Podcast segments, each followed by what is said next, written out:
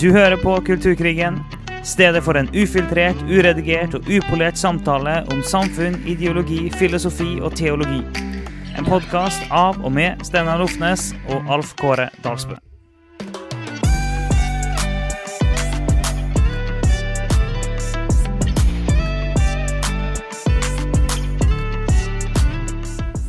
Vi hopper i det, Alf Kåre. Sånn begynner vi. Nå, nå, hadde faktisk, nå hadde jeg faktisk tenkt at jeg skulle bare Det som du anklager meg for, at jeg, at jeg starter opptaket og bare ser på det. Jeg mener jo at jeg ikke gjør det, men, gang, men akkurat denne gangen her så Ja. valgte jeg at Nå skal jeg gjøre det. Nå skal jeg starte opptaket, og skal jeg se på det. Vi kommer aldri, Uansett hvordan introen blir, så kommer den aldri til å bli litt sånn eh, konfliktfri. Det, det, blir, det blir alltid en tension der. Og en, en helt sånn radiointro vil vi vel aldri klare. Nei, det vil vi ikke. Eller kanskje på en sånn sarkastisk radiointro. Ja, det kan vi. Og, og du som har litt mer lyst på det enn meg, men jeg kjenner deg såpass godt nå at jeg vet jo det at etter kanskje tre ganger så er du så lei av å gjøre det på samme Ja. måten at du, at du har lyst til å endre på det. For du gjør, ikke, du gjør ikke samme ting om og om igjen hvis ikke du på død og liv må gjøre det sånn. Hvis du, har, hvis du bare har en promille innflytelse på å kunne endre på ting, så gjør du det. Det er helt sant. Det er som en, det er som tyngdekraft. ja. ja, nei, men uh, hvis du vi snakker om abort Å, Ja. Vil du si noe mer? Nei, jeg, jeg, jeg skulle bare si at derfor vil eh, våre introer alltid være eh, rotete og forskjellige på grunn av det. Ja, de vil det. De vil det. det er blitt vårt, uh, vårt kjennemerke. Ja, ja. Så, men eh, velkommen, eh, kjære lytter. Sommerlytter. Eh, Iallfall de fleste av dere. Eh, og eh, vi skal snakke videre om abort. Mm. Og vi lovte å gå dypere inn i menneskeverdet. Eh, du har skrevet noen gode notater til denne episoden, så kanskje du kan eh, gå først inn i disse avgjørende premissene. Ja, jeg kasta inn noen, noen eh, stikkord i vårt felles notat. Det er ikke alltid vi har store notater, men eh, noen ganger her hadde jeg litt tid til å kaste inn litt tanker. Og når det gjelder abort, så er det to avgjørende premisser eller spørsmål som hele tida kommer opp i denne saken her, som vi er nødt til å snakke om. Og det ene, det er eh, Har det ufødte barnet et menneskeverd? Er det et menneske? Er det et fullverdig menneske? Er det et menneske som har, men har menneskerettigheter? Hva er rett og slett status på det barnet? Og nummer to, det er eh, tanken om at en kan skille mellom kropp og person. De to premissene der er helt sånn avgjørende å snakke om når vi skal snakke om abort. Vi kommer til å begynne med å snakke litt om menneskeverdet, men de to tingene må vi ha klart for oss når vi skal snakke om det her. Eh, så jeg, skal, jeg tenker etterpå skal jeg forklare litt mer hva vi mener med å skille mellom kropp og person. Så det kan vi, ta, vi kan forklare det mer når vi, når vi kommer dit. Men, eh, men OK, nummer én. Det ufødte barnet er ikke et menneske. Eller det er ikke et fullverdig menneske. Det Er i praksis påstanden til den som kjemper for abort. Det er ikke alle som sier det så eksplisitt, men det, det er Det blir i praksis påstanden. Da må vi snakke om det. Ja, og det, og, det, og det må jo nesten være det, siden, siden vi har en ganske sterk beskyttelse av menneskeliv i vårt mm. samfunn. Ja. Eh, så, så det er ikke lov til å drepe. Det er ikke heller lov til å Skade. vold mot mennesker, skade. Eh, så for at eh, lovverket i samfunnet skal henge sammen, så må man definere det ufødte barnet som noe annet. da. For at ikke Ja. de vanlige, egentlig vanlige lovene skal gjelde, så må du på en måte egentlig ha unntakslover. Ja, egentlig. Og en kan på en måte oppsummere det veldig sånn eh, teknisk og formelt. Så kan du oppsummere på en eh, sånn, sånn måte sånn her. Mennesker har menneskerettigheter. Retten til liv er en menneskerettighet. Det ufødte barnet er et menneske. Derfor har det ufødte barnet rett til liv. Hvis en definerer det som et menneske. Hvis en defineres som et menneske. Det er derfor alt står og faller på om det her er et menneske eller ikke. Eh, Jeg, må bare gjenta det. Mennesket har, menneske, har menneskerettigheter. Det gir folk tommel opp for. Retten til liv er en menneskerettighet. Det gir folk tommel opp for. det ufødte barnet er et menneske, der begynner det å svinge. Derfor har det ufødte barnet rett til liv. Og da må vi snakke om det her. For, for oss som kristne så er det, sånn, er det helt sånn ufravikelig at barnet i magen er et menneske. Jeg vil si det så sterkt som at eh, vi, vi, vi, tuller alltid med men folk liker ikke når vi sier at en kristen må tenke sånn eller sånn. Men akkurat på her så vil jeg faktisk si som kristen så kan vi ikke tenke annerledes enn altså Det, det kan være finnes litt sånn ulike meninger om, om, abort, men jeg mener at som kristen så kan vi ikke tenke ting annet enn at barnet i magen er et menneske skapt av Gud. Det er fullstendig umulig for en kristen å komme unna at det er et menneske i mammas mage. Og to sånn sentrale vers vi bruker for å begrunne menneskeverdet, er det, det ene er jo det vi kommer tilbake inn hele tiden, at vi er skapt i Guds bilde. Eh, altså at mennesker er skapt i Guds bilde, og da på en måte da regner vi jo alle mennesker inn i det. Så det er liksom det generelle begrunnelsen for menneskeverdet. Eh, og når, og når det kommer uh, seinere kommer f.eks. i de ti bud at du skal ikke drepe, eller du skal ikke myrde, uh, så er jo det begrunnet i menneskeverdet. Jeg skal ikke gå altfor dypt inn i hele den greia der, men, men, du ser dette gjennom hele Bibelen. At um, en slags bekreftelse av menneskets verdi og individets verdi.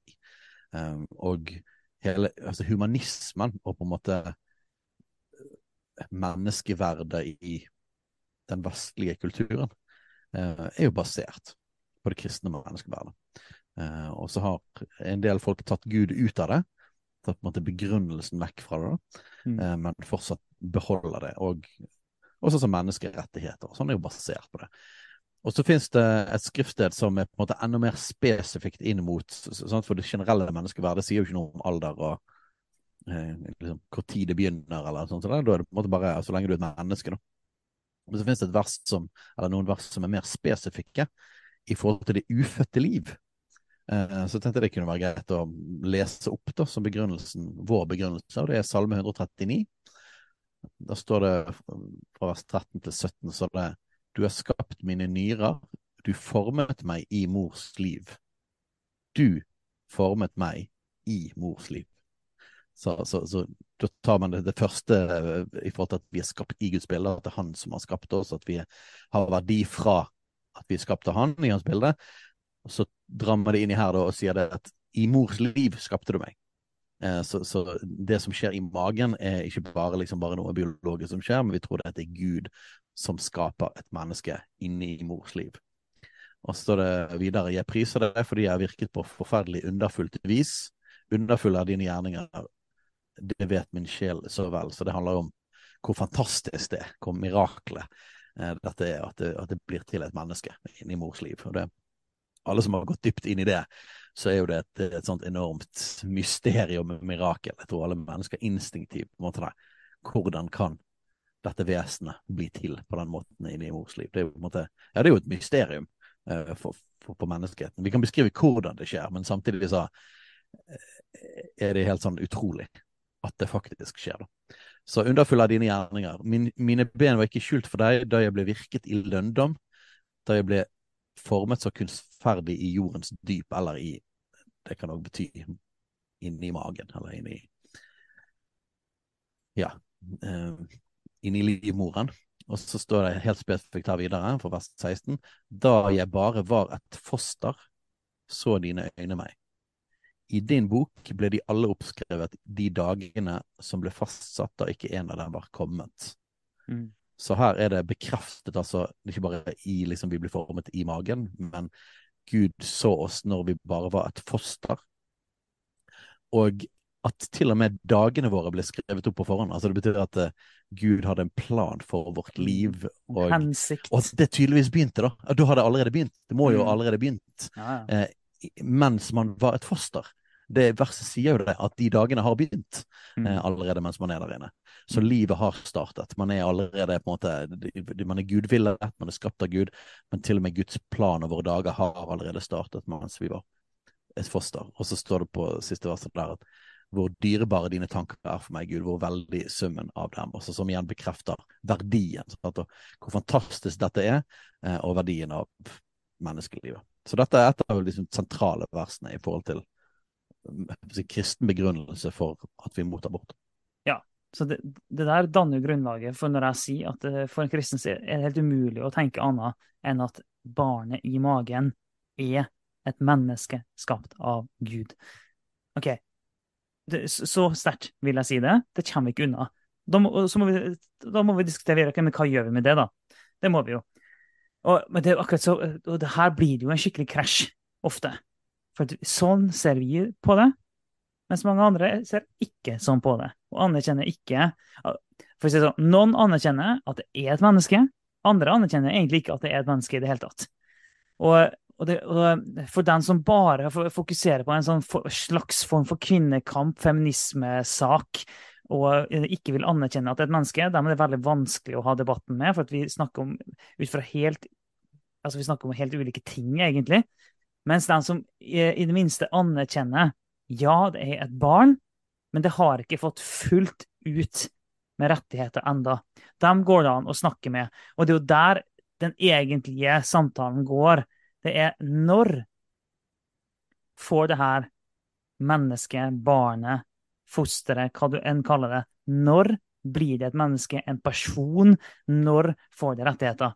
Og en, mm. En person som er, som er, ikke, som er ikke enig i abortspørsmålet, er jo VG sin eh, politiske redaktør, Hanne Skartveit. Hun, ofte, hun, uttaler seg ofte i abortsaken, men hun er ganske redelig. Det skal hun ha.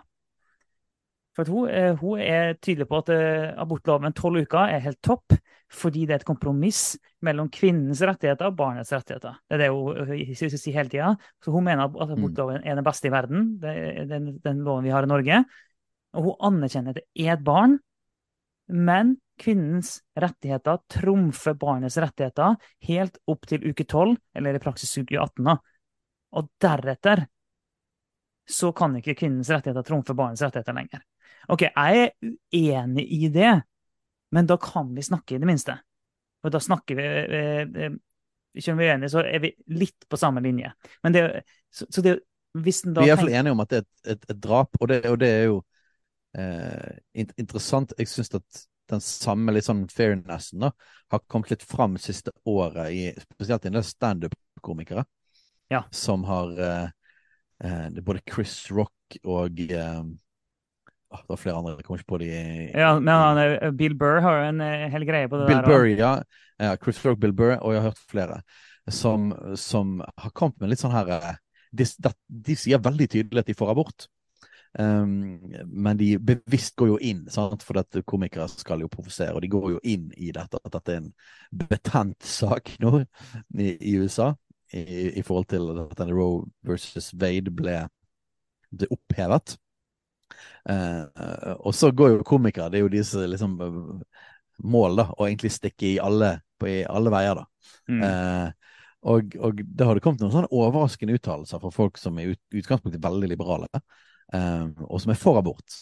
Eh, men så sier de Men la oss ikke, la oss ikke uh, tulle her. La oss ikke liksom, late som at dette ikke er å drepe.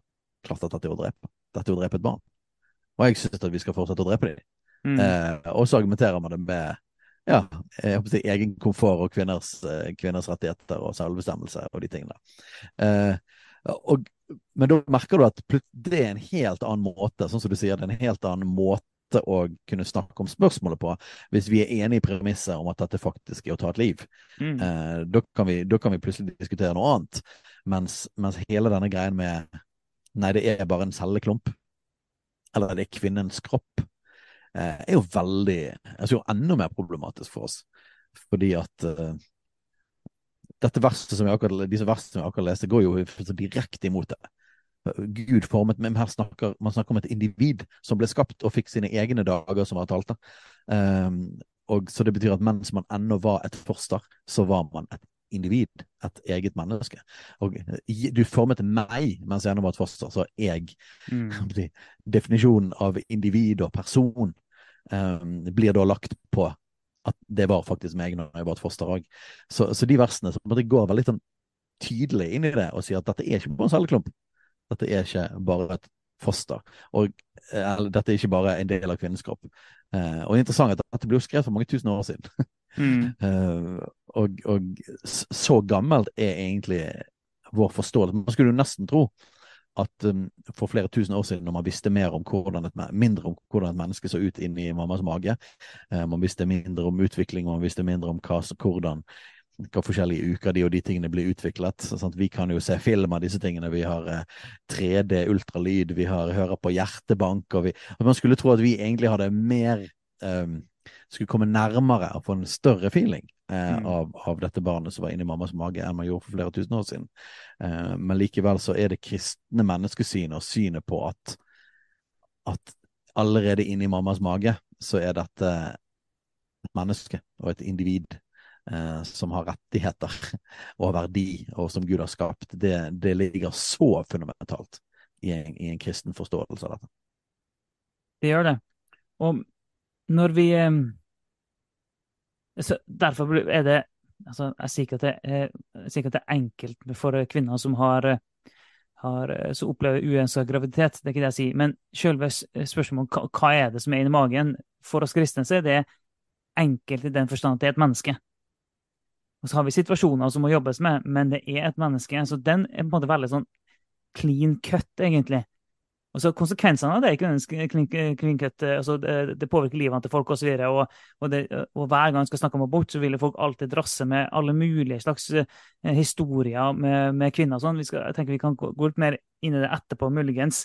Men og selv, samtidig som vi anerkjenner at det er kvinner som har opplevd fæle ting, som har vanskelige situasjoner og sånn, så er det aldri sånn Nå vil jeg høres hard ut og patriarkalsk ut, sikkert, men det vil, det er aldri sånn at menneskets opplevelse eller situasjon forandrer den grunnleggende sannheten likevel. Derfor må vi alltid begynne der. Vi må alltid gå inn til hva er det, fundamentet her, hva er den grunnleggende sannheten, hva er den objektive sannheten her? Og så må vi jobbe oss ut derfra. Så må konsekvensene må jobbes ut derfra. Alltid. Ja, og da, og da er vi jo inne i sant, en av grunnene til uh, til måten vi har kommet hit vi har kommet i abortspørsmålet, er jo nettopp akkurat det du snakker om. At vi forholder oss til objektiv sannhet. Vi snakker alltid om dette her. Um, en sannhet som er utenfor oss, som er på en måte der før vi gjorde oss opp en mening, som er der før vi hadde en opplevelse, uavhengig av hva vi føler. Så det er en objektiv sannhet som er utenfor oss, og som stemmer i alle tider. Det er universell. Mm. Eh, I alle kulturer, i, i, alle årstall. Vi kan ikke si ja, men det er jo 2023. Nei, men dette, dette er utenfor det. Eh, og det krasjer jo da mot, mot den postmoderne måten å forstå ting på, som vi er veldig preget av, og som blander seg inn i alle disse spørsmålene her. Og det er et fokus på eh, personen, altså individet, sin subjektive opplevelse. At det er det som kommer i høysetet. Så det, det, er min opplevelse både av hva er sannhet, men òg hva som er viktig for meg. At, at jeg er i sentrum. Um, som trumfer alle andre ting. Så man ønsker ikke hovedsakelig å snakke om er dette et liv eller ikke et liv, har det verdi eller ikke et liv. Man ønsker å dra debatten over på hva er den subjektive opplevelsen for en person. Um, så, så, det kommer òg opp i hele, hele, abortdebatten. Men vi som kristne kan ikke, vi kan ikke begynne der.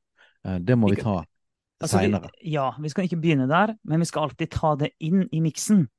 Uh, på samme måte som vi uh, sa når vi sa at det forplikter for, for, oss kristne når vi sier at vi er mot abort, så forplikter det til at da er vi nødt til å ta vare på de barna som blir født. da. Som, som, en konsekvens av at det ikke blir tatt, tatt abort. Da, vi, da, har vi en plikt til å ta vare på alenemødre osv.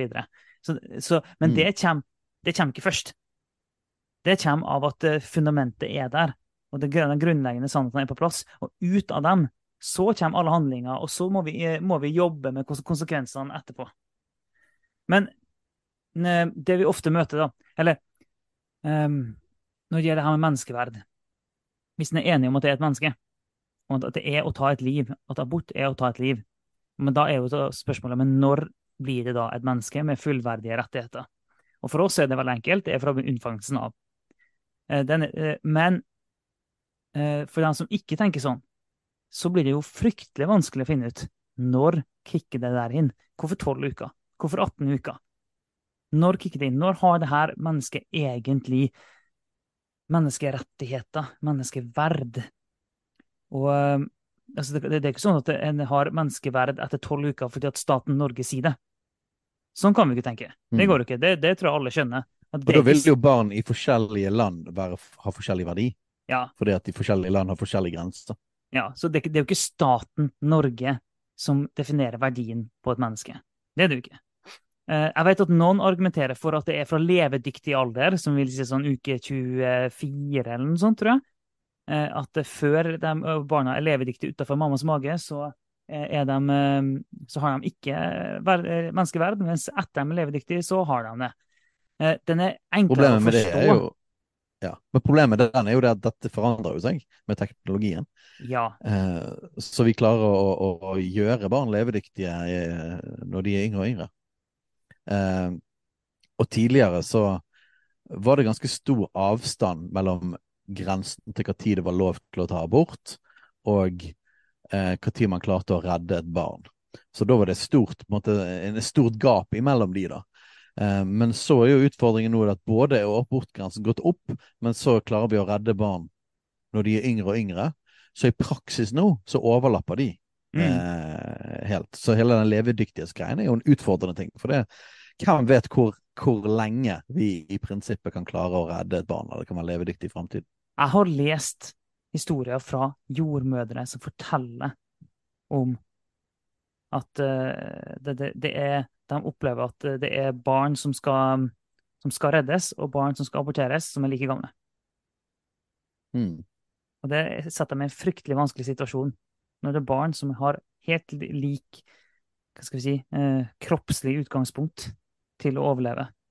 Men den ene må dø, den andre får lov til å leve.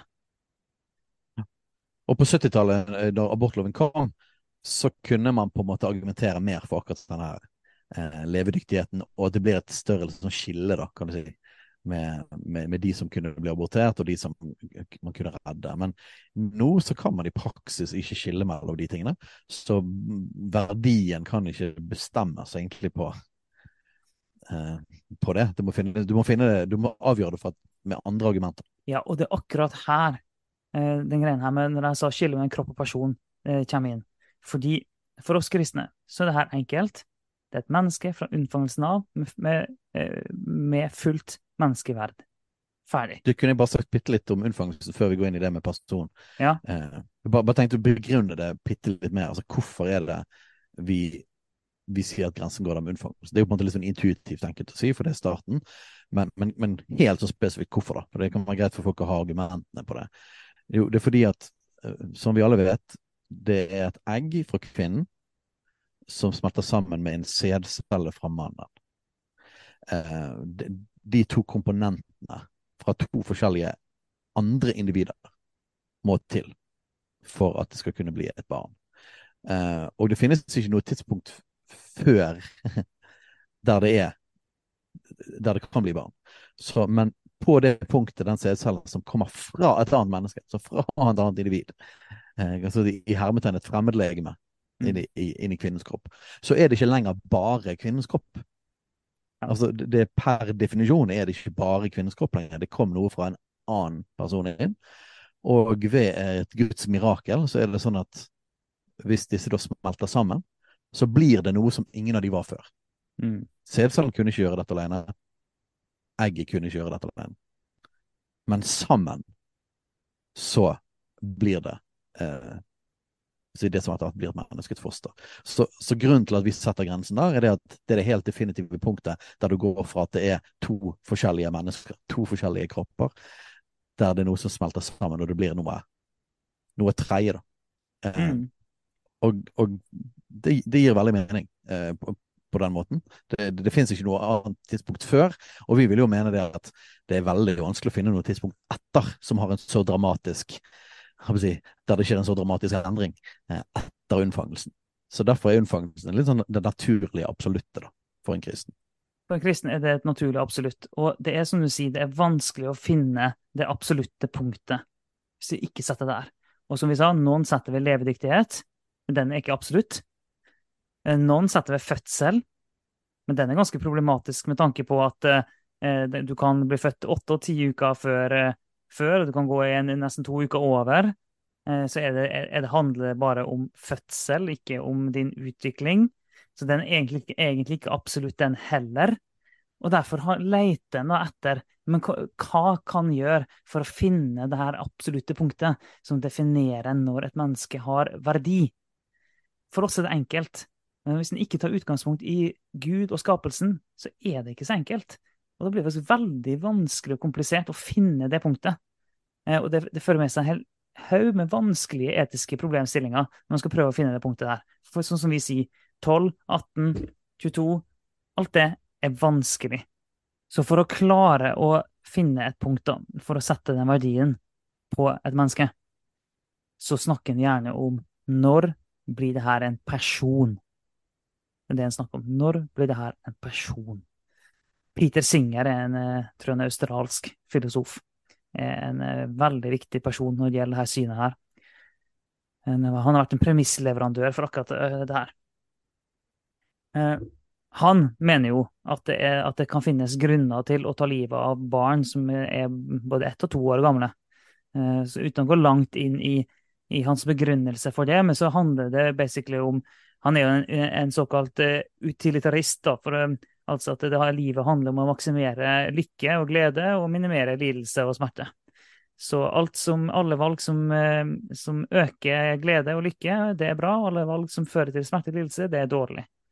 Og da har han kommet fram til at hvis det å ta livet av et barn skaper mer glede for foreldrene, og det reduserer smerte for barnet, ja, da kan det være greit. Og sånn veldig for, forenkla fort forklart.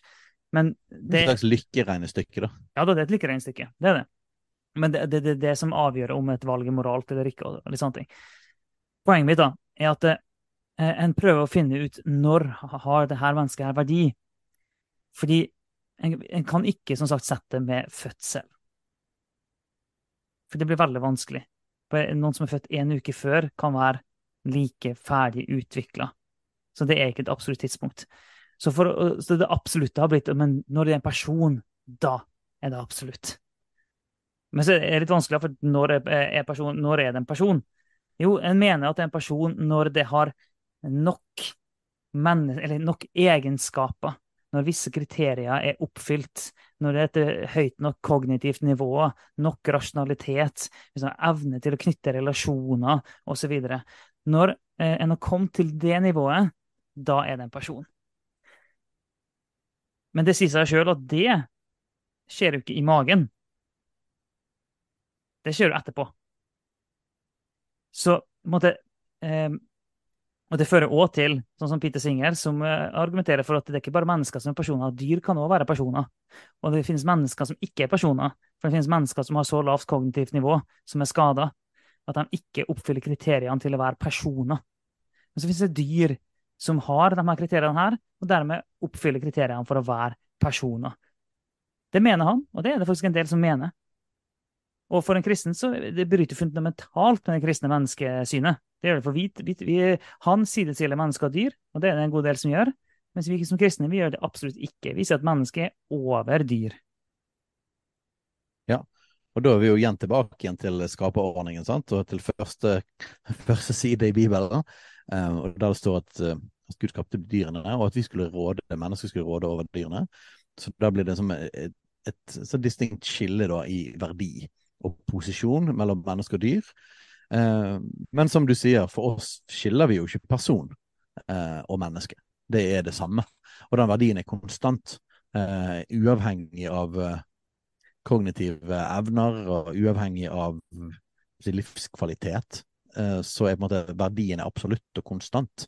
Eh, Uavhengig av hudfarge, uavhengig av kultur, uavhengig av hva tid eh, man lever i, om man har det bra eller man har det dårlig. Uansett om man er ung eller gammel, så er verdien på en måte 100% Så Utfordringen med en, en sånn filosofi er at da vil jo på en måte verd, men, verdien på mennesket vil jo svinge Mm. og det vil være forskjell på verdi på meg og naboen og, og, og forskjellig. Altså hvis dette er på en måte parameteret man bruker, da. Eh, så man havner jo altså, Og dette er jo det som alltid skjer da, hvis man går vekk fra disse absolutte grensene. Som for oss da er det absolutte er på en måte det er unnfangelse eh, til død. 100 liksom. He, hele veien, hele tiden. Så det er på en måte mye simplere å forholde seg til. Mens hvis du tar vekk det, så havner du inn i det samme uføret som man alltid gjør når man flytter på disse grensene. At da skal man prøve å argumentere på andre måter. Ja, men- utrolig vanskelig. Med en gang en går vekk fra de bibelske grensene, så finner en ikke grenser. En, en lager seg en grense for seg sjøl, men en finner ikke grenser som hell. Det er det som er problemet. Det er det vi ser hele tida. Når en går vekk fra de bibelske grensene, så finner en ikke lenger grenser. Så flytter du gjerdet, så har du et problem. Da har du, et vel, du, du får ikke satt opp det gjerdet igjen. Nei, det gjør ikke det. Eh, så så eh, det som på en måte poengene til han, er jo på en måte at vi kan ha eh, og Vi pratet jo litt om dette her før vi tok opp. at Vi kan ha en forskjellig opplevelse av connection. Vi kan ha forskjellig tilknytning. Mm. Vi kan, eh, vi kan, vi kan føle annerledes rundt et, eh, et dyr som har store, vakre øyne i forhold til et insekt som ser stygg ut. Eh, vi, altså liksom, det er masse sånne ting, så vi kan, vi kan oppleve variasjon på tilknytning. Det, det er naturlig at vi kjenner mer tilknytning til mennesker vi kjenner enn folk vi ikke kjenner. Eh, og, og, og alle disse tingene spiller inn i hva du sier, vår sånn følelsesmessige opplevelse. Men igjen kommer vi tilbake til det, til det problemet at vi kan ikke vi kan ikke måte sette grenser basert på subjektive opplevelser.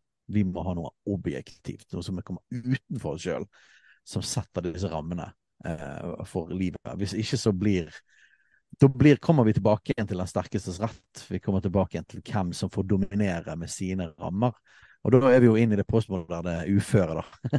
Ja. At alt handler om makt eh, og ord, og at, at de som vinner fram, de er de som skaper på en måte rammen. Da. De er de som skaper rammen som alle andre må forholde seg til. Eh, men, men eh, ja, vi kan ikke gjøre det. Eh, Nei, vi, kan- vi kan ikke det, her, det er så mange ting her å ta her. Jeg skal bare si noe om det med det skillet mellom kropp og person. En kan også skille mellom, mellom menneske og person. Eh, Men det er, jo, det er jo hele den tankegangen som gjør transsaken mulig. For kan du endre kjønn, så er det fordi at det er forskjell på kropp og person. Hvis du er født til feil kropp, Mm. så er det fordi at det er forskjell på deg som person og din kropp. Og, det, og den tanken om at kropp og person er to forskjellige ting, det muliggjør abort. For da kan du ha en menneskekropp uten at det er en person. Det muliggjør kjønnsskifte, for da kan du være en annen person enn det som er kroppen din. Og det eh, setter i gang en hel, hel del andre problem i tillegg. Og for en kristen så kan vi ikke skille kropp og person.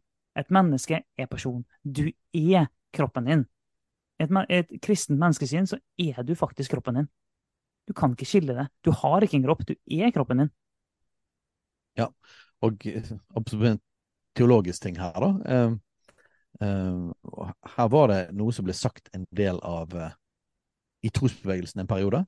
Eh, at det ble lært at jeg, jeg er i en eh, Nei, jeg er en ånd, jeg har en sjel og jeg bor i en kropp. Eh, der man lærte et, en et veldig sånn skille mellom ånd, sjel og kropp. Det, jeg vil si at det er en riktig oppdeling. Eh, lutheranerne sier at det bare, det finnes ikke det skillet i det hele tatt. Um, men, eh, men Bibelen beskriver forskjellige deler av oss, eh, og at det til og med finnes tidspunkt der, du, der, der vår ånd og vår sjel er litt der i midten, og du er ikke helt liksom, Den er litt vanskeligere å definere, men at, at det finnes et tidspunkt når vi dør, der det er noe som er oss, som blir skilt fra kroppen vår på en eller annen slags måte. Eh, men så ser vi at det blir gjenforent da, eh, i oppstandelsen, der vi blir kropp igjen. Og det er helt sånn eh, tydelig at Gud skapte mennesket som en helhet. Mm. Eh, Og det var meningen at vi skulle være ånd, sjel og kropp, eller eh, om du ville dele det opp på litt andre måter. Eh, Men men det måte at vi har flere forskjellige bestanddeler av oss som teknisk sett ser ut til i den kristne vir- virkelighetsforståelsen. Det går an å skille i sånne I noen spesielle tilfeller kan du skille det, men aldri på den måten at det er meningen at de skal være skilt. Eller at på en måte kroppen da ikke er positiv da Gud skapte og skal være en del av hele oss, eller at kroppen ikke er oss. Eh, sant? Vi merker jo dette når folk dør, så kan man jo merke liksom at oh, du er, det er bare et tomt skall, på en måte. Mm. Det det, Mm. du har forsvunnet. Sånn, så det finnes, det finnes på en måte sannheter i det, men, men drar vi det for langt, sånn som jeg mener gjerne trosbevegelsen gjorde en periode eh, Jeg sier ikke at alle som var en del av trosbevegelsen mente alt dette, men dette var en lære som var ganske, ganske utbredt på den tiden. Eh, hvis du drar det for langt, så begynner du å komme inn i noe som vi kaller gnostisisme. Og uten å gå for langt inn i gnostisisme, så var det på en måte en, en, en kristne avart, en vranglære. Det var en bevegelse der man hadde så stort fokus på vårt indre eller vår sjel eller vår ånd, eh, at på en måte målet var å skille på en måte eh, sjelen fra kroppen, eller ånden fra kroppen. Eh, og det fysiske og materien var negativ. Mens det som vi egentlig var, var det åndelige. Så, Ja. så alt dette for å si det at det finnes viss Bibels begrunnelse for at ja, vi er forskjellige bestanddeler, og, og det finnes i døden, så kan du se at det finnes et skille da, mellom vårt indre på en eller annen måte og vår kropp. Men samtidig så ser vi hele tiden en anerkjennelse av det fysiske. Vi er skapt med en kropp, og til og med i den nye himmelen og nye jord i evigheten så skal vi ikke være ånder. Det er noen som tror det, at målet er at vi skal være i himmelen og være en slags ånder, men det er ikke det Bibelen beskriver. Den beskriver en, en ny jord der vi mennesker er stått opp og har kropp. når vi igjen er en helhet av ånd, sjel og kropp. Så, så går vi for langt den veien der, så ender vi opp i en slags nygnostisisme. Eh, og, og transideologi er ganske preget av en sånn måte å tenke Ja, ja. på. Der, der vi er så, det er så stort fokus på at meg, den jeg er, eller min identitet, er noe som er helt skilt fra min kropp. Altså du kan være født i feil kropp, er jo et begrep. Mm. Så det betyr at du er et eller annet vesen da, som til, blir plassert i feil kropp. Eh, eh, så, så det er på en måte Det er jo ren gnostisisme, vil jeg si.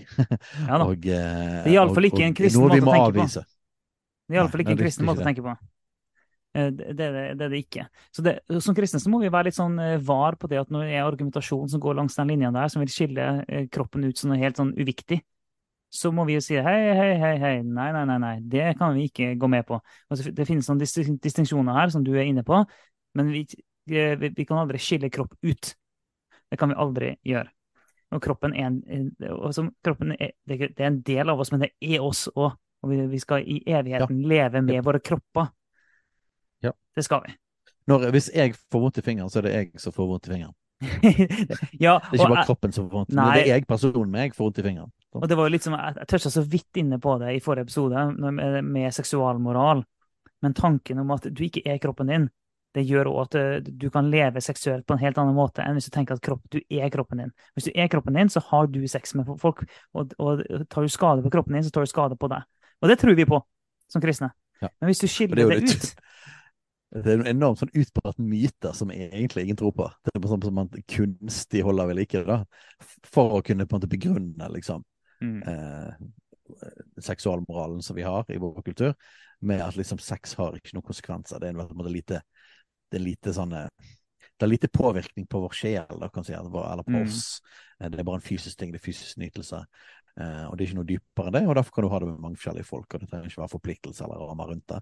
Eh, det er på en måte en, eh, det er en fysisk transaction, sånn som alle mulige andre ting.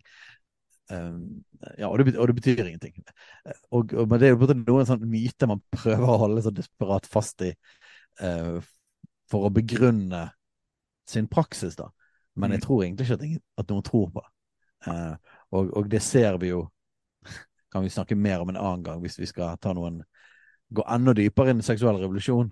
Uh, men, men vi ser jo at uh, vi tror jo faktisk ikke på de tingene der. Fordi at for eksempel når det gjelder voldtekt eller seksuelt misbruk, Mm. så ser vi jo det at, uh, at plutselig så hadde det noe å si likevel. Mm. Uh, det var ikke bare en fysisk ubetydelig ting. Mm.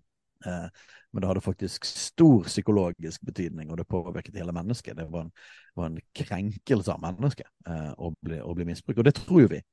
Eh, men folk henger jo det sammen med at, at eh, ja, men det er fordi at kroppen er viktig.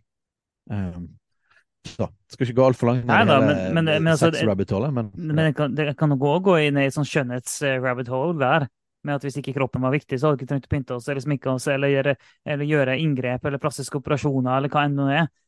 Så hele grunnen til at vi, vi holder kroppen ved like, og vi prøver så fin ut, og hvis Eller hvis du har knekt nesen og den er helt skjev, og så gjør du et inngrep og får den rett igjen, sånn, så er det det fordi at kroppen betyr noe. Og det, kroppen er en del det er sånn, Du er kroppen din, derfor er den viktig. ja, så vi- for dør, du, dør, dør kroppen, så dør du. Ja, så dør du. Um, det er sant. Og da lever du ikke lenger her. Sånn, Så, ja, og poenget vårt med å si alle disse tingene her, er å si det at det er veldig vanskelig å skille person Det går rett og slett ikke an. Det går rett og slett ikke an. Og, og, det, eh, og vi mener det at eh, mange i hele abortspørsmålet, de gjør det bevisst eller ubevisst. Veldig ofte be- ubevisst. Så har de i praksis skilt kropp og person, og i praksis sagt At eh, det er ikke et barn eller et menneske, eller, eller det har ikke menneskerettigheter enda. Men jeg, tenkte på en ting når vi snakker så mye om kropp. Sant? For snakker, det, et argument jo, som ofte kommer, det er kvinnens kropp. Og kvinnen eh, skal ha, skal ha myndighet over sin egen kropp. Og som vi for så vidt er helt enig i, vi. Eh, Vi mener jo at, eh, at alle mennesker skal få lov til å bestemme over sin egen kropp. Eh, Det er vi helt enig i. Mm. Eh, og så uten å gå sånn fryktelig langt inn akkurat den greia der. Eh, men igjen, da. Den, den er ikke så clean cut som den høres ut som. For du var inne på det med, med unnfangelsen. Det har kommet noe annet inn i kroppen. Det er faktisk en annen kropp inni kroppen. Det barnet i kroppen til kvinnen er ikke en del av kroppen til kvinnen. Det er i kroppen til kvinnen. Og det er avhengig av kroppen til kvinnen. Men det er ikke, Mm. er ikke kroppen til kvinnen. Det er ikke en del av kroppen til kvinnen. Det barnet er faktisk noe annet. Så per definisjon, så det barnet er faktisk ikke kvinnens kropp. Det er i og avhengig av kvinnens kropp. Men en helt selvstendig kropp. Og da, og da må man spørre seg ja. Bare hopp inn, du. Nei, og da, da er det jo lett å tenke det at oh, ja, men det var forferdelig dumt. At liksom, hvis vi kommer til det, så var det en slags Akkurat som det er en slags grusom ting, for da har man ikke Da har ikke kvinnen den friheten lenger. Og så kan vi velge å se det som en negativ ting, så, men så er det jo egentlig bare den andre siden av nettopp det En av de heftigste miraklene i hele eksistensen vår Mm. at en kvinne kan bære fram og nære et annet menneske inni seg sjøl. Altså, og nå- Det er jo et mirakel i seg sjøl. Altså, det er et mirakel, og det er fundamentet for hele menneskeslekten og hele vår eksistens at dette skjer. Og er, er, det, er det ansvar med det? Er det begrensninger med det? Ja, absolutt. Fins det, det kostnader og til og med lidelse med det? Smerte med det? Ja, absolutt. Men, men det er vel ikke til å stikke under en stol at det samtidig så er det òg det dypeste og mest fantastiske og det mest dyrebare vi kan tenke oss som mennesker. Altså det, det, det, det er noe hellig. Det er noe fantastisk. Så, så når vi snakker om måte, kvinnens kropp, eller på en måte Når vi her eh, Vi sier det at nei, det er ikke kvinnens kropp. Så i abortspørsmålet vil man da tenke gang åh, da er kvinnen på en måte bundet. Da er kvinnen begrenset, og kvinnen mistet sin frihet. Og så finnes det sannheter i det. Ja, ja. Og, og da er jo spørsmålet, men er det i sum negativt? I, i, I abortkampen blir det fremstilt som, en, som noe negativt, som et fengsel. Uh, og da har du med verdien av barnsynet på hva en mann og en kvinne uh, og, og her er det sånn Hvis målet er at damen skal være en mann, Mm. så er det negativt. Ja, da er det negativt. Og det, det der er en egen episode, men veldig mye av kvinnekampen, feminismen og den seksuelle revolusjonen er nettopp det. Det er et forsøk på å gjøre kvinner til menn. Det må vi ta skikkelig en annen gang, men det er det, er det som er, mye av greiene her. Et forsøk på å gjøre kvinner til menn. Det kvinner trenger, er ikke en sånn type kamp. En trenger en kamp som faktisk frigjør kvinner til å være kvinner. Og Ja, og, og, og, og det er en sånn greie under her, da, at det virker som en slags forståelse av at det er et bedre liv, da, å være en mann, eller ikke ha det ansvaret, eller enorme privilegiet. Eh, Den begrensningen, kan man si, da, på eksempel utdannelse, jobb, eller, eller, eller en eller annen slags fri, fri utfoldelse. Sant? For det at du må ta vare på et annet menneske på den måten. Så, så er det nesten som at man trekker en slags slutning, da, at da er det bedre i så fall å være en mann eller leve som en mann. Eh, og som en kristen så må vi avvise det. Vi må si at vi, nå er det ingen av oss som har vært det andre kjønn. Ingen av oss vet det. Menn vet ikke hvordan det var kvinner, kvinner vet ikke hvordan det var menn. Vi, vi har rett ingen Vi kan prøve liksom, å sette, lage liksom, sånne, ja, objektive kriterier er Men det er helt umulig. Vi har ikke vært inni hverandre. Eh, Noen sånn, transsaken, mener man det at man er det motsatte kjønn. Men det er, ingen som, det er ingen som har vært det motsatte kjønn. Så vi kan på en måte ikke si om noe er bedre eller verre enn det andre. Som kristen må vi slett si at hva er det som er godt? Gud skapte mann og kvinne, og så sa han han så at det var godt. Så Gud definerer det som bra, begge deler. Begge Mm. deler er skikkelig bra, men er forskjellig. Det er forskjellige ansvar med seg, det er forskjellige kostnader, det er forskjellige upsides and backsides, holdt jeg på å si. Eh, og i en kristen virkelighetsforståelse så er det ikke sånn at lidelse er automatisk noe negativt. Så lenge lidelse er koblet på at det er å gi sitt liv, det er å legge ned sitt liv, det er kjærlighet, det er å, bringe fram liv, det er eh, lide for andre, så, det, så, snakker vi om noe av det mest, sånn, mest hellige og verdifulle og egentlig definisjonen av kjærligheten sjøl. Eh, hvis, hvis, du har en, en, bibelsk forståelse av ting. Så man kan, Fra en kristen forståelse kan man like gjerne si at det er det største privilegiet. Det er det vakreste som finnes. Det er det beste som finnes. Eh, men, men, vi tror at Gud har skapt mann og kvinne forskjellig, men likeverdig. Og det blir veldig vanskelig fra et kristen perspektiv å si det at det er bedre eller verre, å være mann eller kvinne. Eh, det er på en måte egentlig en sånn kjønnskappgreie er noe som vi ikke bør, bør, egentlig. Vi kan tulle med forskjellene våre og sånn, men vi bør faktisk ha en sånn gudsfrykt på det. Ja. og, og, og, vi tror faktisk at det er like bra, og det er like utfordrende. Eh, Gud er ikke urettferdig. Nei, han er ikke det. Og når det er snakk om her, eh, okay, kvinnens kropp, og, så, og derfor skal kvinnen ha all myndighet til å gjøre det hun vil, så, så er det med utgangspunkt i at okay, det er en uønska graviditet. Og hvis en kvinne ikke får lov til å ta abort, så har vi tvunget kvinnen til å bære fram et barn det ikke vil ha. Og det høres Det kan, det kan høres eh, brutalt ut når det blir lagt fram på den måten. Men kvinnen blir tvunget til å bære fram et barn og føde det ut. Et barn hun ikke vil bære fram og føde ut. Det er ikke greit, er gjerne argumentasjonen. Og, og der og det jeg skal si nå, jeg vet at det er bare sånn Det det, det er garantert noen som hører på det, som river av seg håret med det jeg skal si nå. Men det får bare være. Nei, vi ønsker ikke å tvinge folk, det gjør vi ikke. Men jeg mener samtidig at folk er nødt til å leve med konsekvensene av sine valg. Og når du har forsøkt å frikoble sex fra graviditet, og det går feil, ja, da er faktisk graviditet en konsekvens av det. Hvis du har tatt sjansen på å ha sex utafor Guds gode rammer, så er det en risiko med det. Poenget mitt er, er ikke at dermed straffes du med å få barn. Poenget mitt er bare at det er en konsekvens av sex utafor rammene som Gud har skapt. Um, og det er sånn Jeg mener jo faktisk Jeg tror jeg har sagt det i podkasten før, men jeg mener jo faktisk at hvis ikke du er villig til å ta konsekvensen av sex, så må du avstå fra sex. Og Det høres òg forferdelig bakstreversk ut, men jeg, men jeg, mener det. Hvis ikke du er villig til å ta konsekvensene av sex, så må du avstå fra sex. Eller så må du sørge for noen rammer som kan romme konsekvensene av sex. Dette kan høres hardt ut, men budskapet er uansett at vi må holde oss til de rammene som Gud har gitt oss. Og Det er det vi snakker om hele tida. Gud har gitt oss en ramme. Men OK. Eh, vi alle mennesker vi, Av og til så går vi utafor de rammene Gud har gitt oss. Så ok, hvis en kvinne da først er gravid, eh, så som vi har sagt, da må vi kristne trå til. Det finnes nåde og gjenopprettelse. Det gjør det. Eh, og da skal vi hjelpe, Hva skal en kvinne gjøre om hun har blitt uønska gravid? Ja, Vi mener faktisk at hun må bære fram det barnet. Det er fordi det er et menneske, og det er konsekvensen av valget.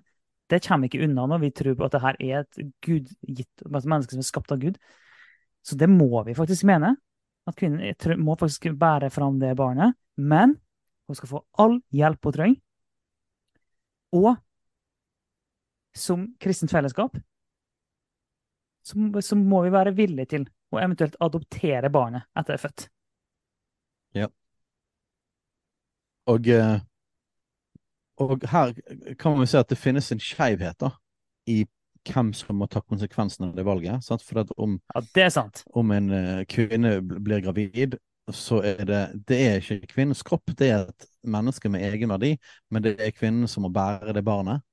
Og det er kvinnen som har måtte bære kostnaden, eh, både ja, ja. sosialt, eh, fysisk gjennom å gå gravid, gjennom å ha små barn, gjennom oppdragelse. Det er en enorm ting. Jeg, jeg, jeg tror nok enhver mor eh, i ettertid aldri ville byttet de kreftene og det det kostet eh, med barnets liv Altså, det vil likevel være verdt det, men det, vil være utrolig, det, det er en skeivhet i hvem som må ta ansvaret.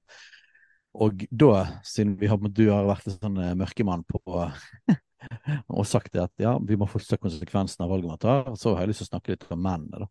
Mm, Fordi at mennene har òg tatt det valget, og mennene har da Fordi at man ikke bærer barnet inni seg, så har man da en mye Det er mye lettere. Man kan stikke av. Man kan fysisk stikke av. Vi vet òg praktisk sett at det, at det er nok flere menn som ønsker eh, abort når eh, en kvinne blir, blir uønsket gravid, eller uplanlagt gravid. Eh, som menn presser ofte på det, så det, det, en, ligger stort ansvar og skyld på menn i forhold til dette. Men hvis en mann da stikker av og ikke vil være med å ta ansvar eh, for dette barnet, og lar kvinnen som faktisk går gjennom ja, Til og med om man tar ta bort, for det er en kjempepsykisk påkjenning òg. Mm. Så at uansett hva du gjør, så, eh, så lar du kvinnen betale en pris som ikke du gjør. Uh, og ja, jeg, jeg, jeg, tror ikke dette er like kontroversielt, men jeg faktisk mener det. Jeg har sagt dette noen ganger i private sammenhenger. Jeg nesten så jeg mener. Jeg tror faktisk jeg mener at det burde vært straffbart. Uh, straffbart i loven å gjøre en kvinne gravid og ikke ta ansvar for barnet.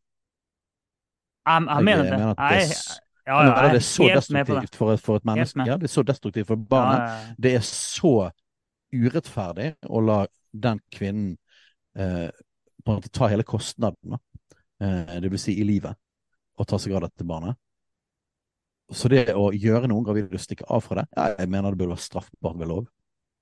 Eh, det er en Ja, jeg vil si at det er en enorm ondskap. Det er en mm. enorm egoisme og selvsentrerthet. Det er òg grunnen til at dette er en realitet òg i kulturen vår. At, at For jeg, jeg tror det er mye flere kvinner selv om en del av problemet her er ja, det er feminisme, det er, det er noen forferdelige premisser i kvinnesaken som vi ikke kan gå med på, så tror jeg faktisk at kvinner i sum er mer Det er mer sannsynlig at de vil ta vare på barna enn menn. Mm. Um, både pga. naturlig kvinnelig instinkt, hvis du ser på personlighetsforskjeller på menn og kvinner gjennomsnittlig, uh, og hvis du ser på tilknytningen som kvinnen får når, når uh, barnet vokser i en sjøl, og man sjøl føder, så er det en enorm kraftig tilknytning. Mm. Uh, og jeg vil si at kvinner i sum skårer veldig høyt på det med selvoppofrelse. Ja. Um, så hvis du tar liksom mann-kvinne i hele denne situasjonen med uønsket graviditet, så er det større sannsynlighet for at kvinnen tar det ansvaret enn en, en mannen. Og Derfor syns jeg at det ligger et ekstra ansvar på mannen. Eh, det er, fra en kristen synsvinkel så er det en enorm synd å ikke ta ansvaret for, for, det. Å bare tenke seksuell nytelse uten ansvar, uten å ta ansvar for kvinnen og ta ansvar for barnet, og å favne de, det er en sånt enormt brudd med hva Gud har tenkt at mannen skal være. Eh, så, så, det, det synes jeg, og det må vi ta med liksom, i hele dette bildet. Eh, at uh, vi tok på ingen måte at det skal komme et svært ansvar på kvinnen, men ikke på mannen i dette. Det, eh, den urettferdigheten som en konsekvens av den seksuelle revolusjonen, og det at mann fysisk kan stikke av, mm. Eh, er jo noe òg av grunnlaget for, eh, for liksom noe av si, bensinen bak hele abortspørsmålet. Ja. Det at den, i, i, i, virkeligheten så har du så mange menn som faktisk løper fra ansvaret sitt. At det, det, det skaper en veldig urettferdig situasjon. Og det, helt, det, gjør ikke det at vi kan ta, ta livet av barn. Eh, men, men, det gjør at vi er 100% enige med at det er skikkelig galt. Og det er Ja, det er moralsk forkastelig eh, å gjøre noen gravide og stikke av for det ansvaret. Eh, men menn har like stort ansvar for den sexen de har, som det kvinner har. Eh, kvinnene må betale en større pris for det, noe som egentlig bare gjør at menn har et større ansvar på mange, mange måter. Fordi at eh, konsekvensene mm. deres går ikke bare utover dem sjøl, det går ut over noen andre. Så på den måten kan du egentlig si at menn har et større ansvar ved tilfeldig og uforpliktende sex. På mange måter. Så det er, det er et kjempeviktig poeng, det der. Og jeg, sånn, det er bare så tragisk, og hele tiden vi snakker om det her, så kommer jeg bare tilbake til at Det her, er, det her er jo et problem fordi at familiene er oppløst. Og seksualiteten er tatt ut av, av ekteskapet. Er derfor det her er et problem. Det blir egentlig bare sånn, jeg, blir, jeg kjenner meg litt så trist da, av, he, av, hele greia.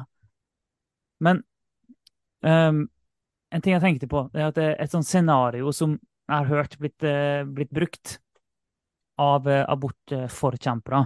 Det er uh, Se for deg at du er på et sykehus, og så brenner det. Og så eh, På det ene rommet så er det spedbarn, og på det andre rommet så er det fem nedfryste befrukta egg. Eh, hvem velger du å redde? Og Da vil alle velge å redde det spedbarnet. Og så blir argumentet der viser du at du intuitivt forstår at det er forskjell i verdi på, eh, på, på et befrukta barn, for å si på en måte, et befrukta egg, og et barn som er eldre, da, mer utvikla. Så ved dine handlinger så viser du at det er forskjell på verdi på mennesket. Ok, sånn, I første øyekast så, så, er det et argument som høres ganske bra ut. Det treffer følelsene, og det, det, det, beskriver faktisk riktig det vi føler. Det gjør det. Eh, mm. Uh, og det er jo litt sånn, når vi allerede har nevnt det her med det, det, det er det samme Nei, skal vi skal begynne? Jeg kan begynne et annet sted.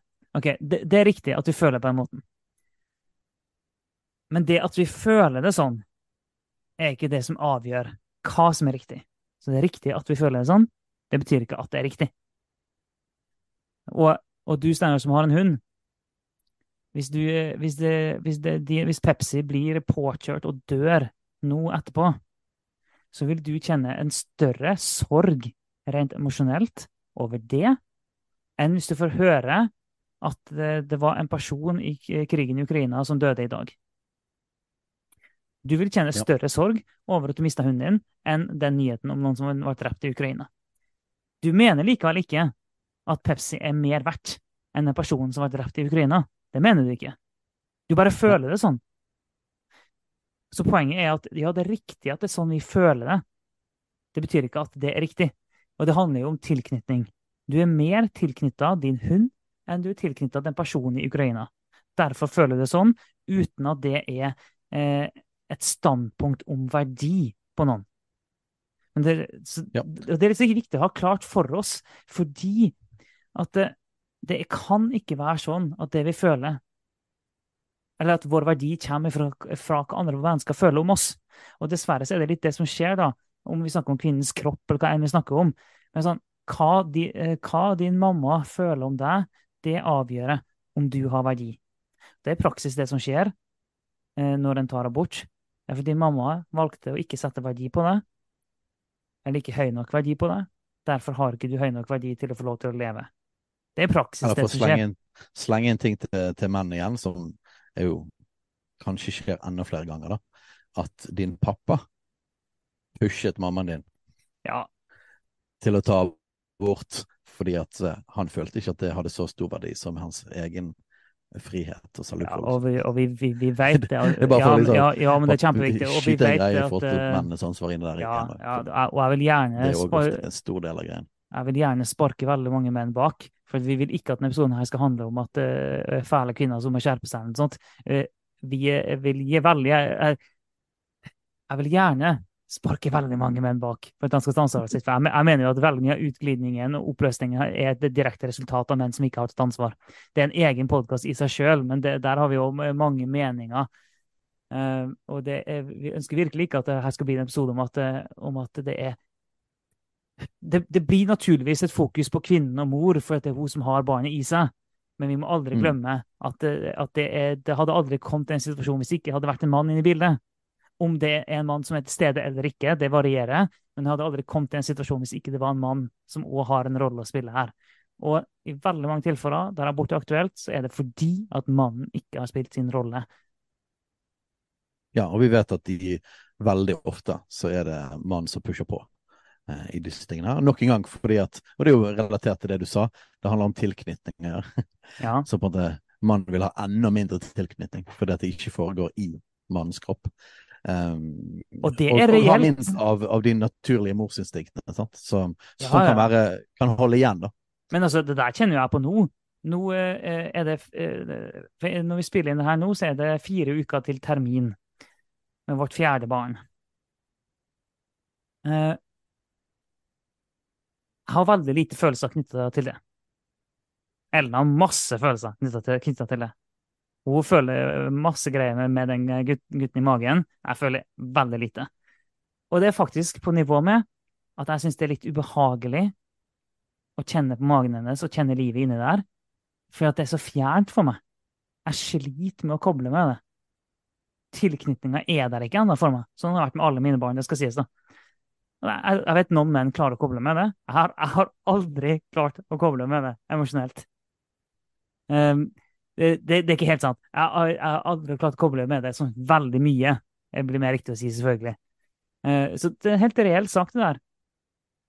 Um, og det er, og det, er forskjell i, i, i, det, og det er forskjell i, og det er riktig at vi knytter oss ulikt uh, til ting. Og jeg tenker på uh, Veldig mange har opplevd spontanabort, f.eks.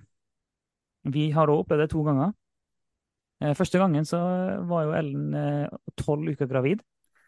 Og da måtte hun da oppleve at det barnet kom ut òg. Og det, det var en vond opplevelse. Det var det. Men det hadde vært enda vondere hvis det skjedde med et av barna våre som var større. For vi er mye mer knyttet til det. Så det er en forskjell der. Det betyr likevel ikke at det barnet som vi mista, er mindre verdt.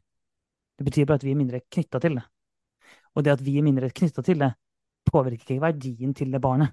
Vi kan ikke ha et samfunn der, der verdien til menneskene blir, blir, bestemt av hva andre mennesker føler om dem. Det går ikke. Det må ja. være noe annet som setter blir, verdien. Ja, og det blir, det, sånn det blir lettere Det er lettere å ta livet av noen som du ikke føler tilknytning til. Ja. Det betyr ikke at de gjør det, det betyr ikke at det er rett. Så uh, igjen så er vi tilbake igjen til Det er det må være en objektiv standard, en standard utenfor oss sjøl. Utenfor vårt følelsesliv, utenfor mm. vår tilknytning og utenfor om vi kan definere menneske, et menneske som verdig til å være en person gjennom hvor intelligent det er, eller eh, følelsesmessig utviklet, eller, eller hva livskvalitet eh, dette mennesket har. Det, det, kan være, det, kan ikke være, disse tingene. Det kan ikke være en subjektiv greie som avgjør verdi. Mm. Eh, og, eh, det tror jeg at de aller, aller, aller fleste er enige om eh, når det gjelder andre spørsmål. Om det gjelder hva, hva menneske er det greit å drepe. Så skal det være, skal det være forskjell på straffen for en person ut fra hvor glad i den personen de var, var i den personen når de drepte Da. Altså, er det det som avgjør? Nei, det kan ikke være det. Det må være menneskeverdet, objektivt sett, som styrer dette. Så og det har vi jo Dette tror jeg egentlig alle er enig i. Ja. Ja, ja, altså, folk er jo enig i det. Eh, ta lovverket, da. Hvis det er en person, la oss si, bare et sånn tenkt eksempel, en uteligger som ingen egentlig kjente, hadde ingen familie, ingen brydde seg om ham, og så er det noen som tar livet av ham, som blir han tatt. De blir jo da dømt for det drapet. Totalt uavhengig av om det var noen som brydde seg om den uteliggeren eller ikke. Det er mm. ikke en del av skyldspørsmålet eller eh, domsutmålinga. Personen blir drept på grunn av den drepte Nei, personen blir drept, ja. Personen blir dømt for å ha drept et annet menneske med menneskeverd. Ikke fordi ikke ut fra at det var noen som brydde seg om det mennesket. Så vi, så vi, vi tenker jo ikke sånn på jeg, voksne mennesker. Og vi bare mener at vi kan ikke tenke sånn om mennesker i det hele tatt, og vi mener at barnet i magen er et menneske. Og som egentlig alle andre episodene vi har hatt i Kulturkrigen, alle andre spørsmålene vi har tatt opp, så mener vi vi har veldig god grunn til å være frimodig på vårt standpunkt. Fordi vi, vi har veldig konkrete og logiske og absolutte grenser vi står for. Eh, det er egentlig en større utfordring å ha det motsatte synet. Når, Mye du, Når du skal bryte de grensene, oh, ja. Ja, så skal ja. du da finne andre begrunnelser på hvor, hvor, du skal sette grensene. For alle, eller de aller fleste som ikke er totalt konsekvent postmoderne anarkister, sånn, mener det at det finnes grenser. Men da må de plutselig Da skal du egentlig måtte begrunne hvorfor, hvorfor setter du grensen der, mm. og ikke da vi setter den. Og, og, igjen så er det på en måte det er en stor aggressivitet på dette. Men det er ikke bedre argumenter likevel. Um, og, og, det er greit at vi vet at hva som egentlig ligger under disse tingene. Vi, vi, vi, bør være klar over hva Bibelen sier. Vi bør være klar over hvorfor vi står for det vi står for. Vi bør kunne kjenne litt til argumentene som andre har, og det er det vi mm. egentlig har snakket om i denne episoden. Um, men vi, vi kan òg vite det at ofte når man diskuterer abort, så er det egentlig ikke abort man diskuterer. Man diskuterer egentlig sånne ting som fri sex. Mm. Kvinnefrigjøring, eller kvinnens rolle i samfunnet. Kvinnens på en måte rett til å kunne jobbe og ha karriere på samme måte som en mann. Eh, eller ikke så mye i Norge, men, men, i alle fall i USA så handler det mye om dette med sosial mobilitet. Altså at, at fattige i mye større grad får, får barn. dette gjelder, gjelder den tredje verden. Eh, og at en av grunnene til at folk blir på en måte holdt i fattigdom eller en vanskelig økonomisk situasjon, er at man får mange mange barn hele tiden. Så man på en måte kommer seg aldri ut i utdannelse, man kommer aldri seg inn i jobb, og på den måten kan ikke på en måte komme seg ut av fattigdommen. Da. Og, og eh, siden venstresiden i politikken er de som er mest aggressive på abortspørsmålet, så er jo denne verdien òg veldig viktig. Da. Det som på en måte å, å hjelpe folk ut av fattigdom. Så Egentlig snakker vi om uh, fri sex, en seksuell revolusjon. Egentlig snakker vi om kvinnefrigjøring eller kvinnens rolle. Egentlig snakker vi om på en måte fattigdom og sosial mobilitet. Og det er så viktig og, og for menn, de som er for abort. Og menn som har kjærestene. Ja. ja, og menn, ja, men som, som uh, sin rett til å, uh, til å, ikke ta ansvar, men leve i nytelse uten å ta ansvar. Mm. som en mer sånn hedonistisk, liberal verdi. da. Eh, så det er egentlig disse tingene som ligger under. Eh, eh, og, og man i så lite, veldig liten grad egentlig vil diskutere menneskets verdi. Eller å mm. sette begrunnelse på hvorfor. Hvor skal da grensen gå hvis ikke? Når sånn. Og følelsen og trykket bak det, det som gjør det så uaktuelt for folk at man skal endre på det som har med abortloven å gjøre, det er alle disse tingene under som er på en måte noen av de viktigste måte, verdiene da, innen vestlig kulturen blitt. Eh, og, og, det er så umulig for folk å tenke at du skal kunne kompromisse på de. Mm. Eh, at da er på en måte abort en del av, en del av kostnaden. Og man vil ikke snakke om det. Man vil ikke snakke om konsekvensene av det. Man vil ikke snakke f.eks. om Man kan ikke lage studier på hva er den psykologiske konsekvensen for kvinner som tar abort, f.eks. Altså, altså, det er bare sånn no go, du kan, kan ikke gå inn i de tingene der engang. Fordi at uh, det som ligger under, det er at vi må beskytte vår rett til fri sex til kvinner i arbeidslivet, til, og ikke at folk skal bli holdt i fattigdom. Uh, så det tenker jeg det er greit for folk å vite, vite om, at, at, egentlig er det, det det som ligger under. Jeg lurer på om vi kanskje nærmer oss slutten på denne episoden nå? Ja. Det er selvfølgelig ikke en ut, ut, alt man kan si om abort og sånne ting, men jeg tror vi har snakket om det på en god måte. Så jeg uh, håper folk uh, tar inn og tenker rundt de, de, tingene vi har tatt opp. Og eh, det viktigste for oss er å hjelpe folk å tenke kristen, tenke konsekvent, ha et virk, kristen virkelighetsforståelse og å bli frimodig i det standpunktet man har. Ah, det er så viktig, det der. For, uh, ja, redd ja. for ja, gå inn i dette. Vi, det er så mange kristne som har så lett for å bli så defensive og passive og nærmest unnskyldende for det standpunktet en har. Men vi har et, et bunnsolid standpunkt, altså, for det vi står for. Det, saken er den at det er, det, er, det høres litt cocky ut, men det er de andre som ikke har bunnsolide eh, standpunkt. Altså Hvis man tør å mm. utfordre litt, hvis man, hvis man sørger for at man forstår hva standpunktene, eller på en fundamenten står på, at man blir trygg der, så vil man merke at når man bruker det og, og snakker med andre mennesker, så vil man merke at de har veldig ofte veldig lite, veldig skjørt fundament. Vi kristne vi har et hus som er bygd på fjell, mens veldig mange andre har et hus som er bygd på sand. Så det må vi yes. jo kunne være frimodige på. Og, og, og, så vil jeg bare igjen si, hvis du snakker om abort med noen, vi skal selvfølgelig gjøre det i kjærlighet og mildhet hele veien. Det skal vi gjøre. Men ta de to punktene her. Det med menneskeverd. Når er det et menneske? Det har alltid, alltid vært det å utfordre på det. Men når er det et menneske? Og for en kristen så er det et menneske med en gang. Og alle er enige om at i det øyeblikket en definerer det som et menneske med menneskerettigheter, så får det masse, masse konsekvenser. Altså, det mener abortforkjempere òg. Og dermed så har de en forståelse for at, at, at det var at vi mener at rettighetene kicker inn tidligere. Eh, så det er, det er, det ene du alltid må ta opp i en sånn samtale. Det andre er det her skillet mellom menneske og person, som må komme inn med en gang jeg skal prøve å bedømme når skal denne personen her da få sine rettigheter. Det er ting som er viktig å huske på i abortsamtalen. Ja. Vi anbefaler folk igjen. Det er helt utrolig hvor langt man kommer med den første siden i Bibelen. Ja. å, å, lese den, og spesielt de versene som handler om skapelsen av mennesket. Mm. Eh, I første kapittel i første Mosebok.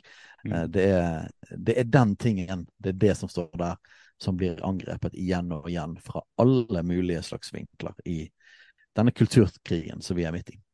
Ja. OK. Jeg tenker vi, vi sier det sånn, Også er det godt mulig at vi plukker opp denne tråden igjen en annen gang, men da har vi iallfall endelig fått tatt eh, abortepisoden som vi har lovt gjentatte ganger over lang tid. Jepp. Ha det godt. Ha det godt.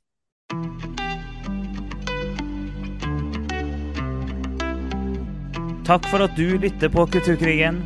Om du har tilbakemeldinger, spørsmål, hva som helst egentlig, send inn til post alfakrøll kulturkrigen.no eller på sosiale medier.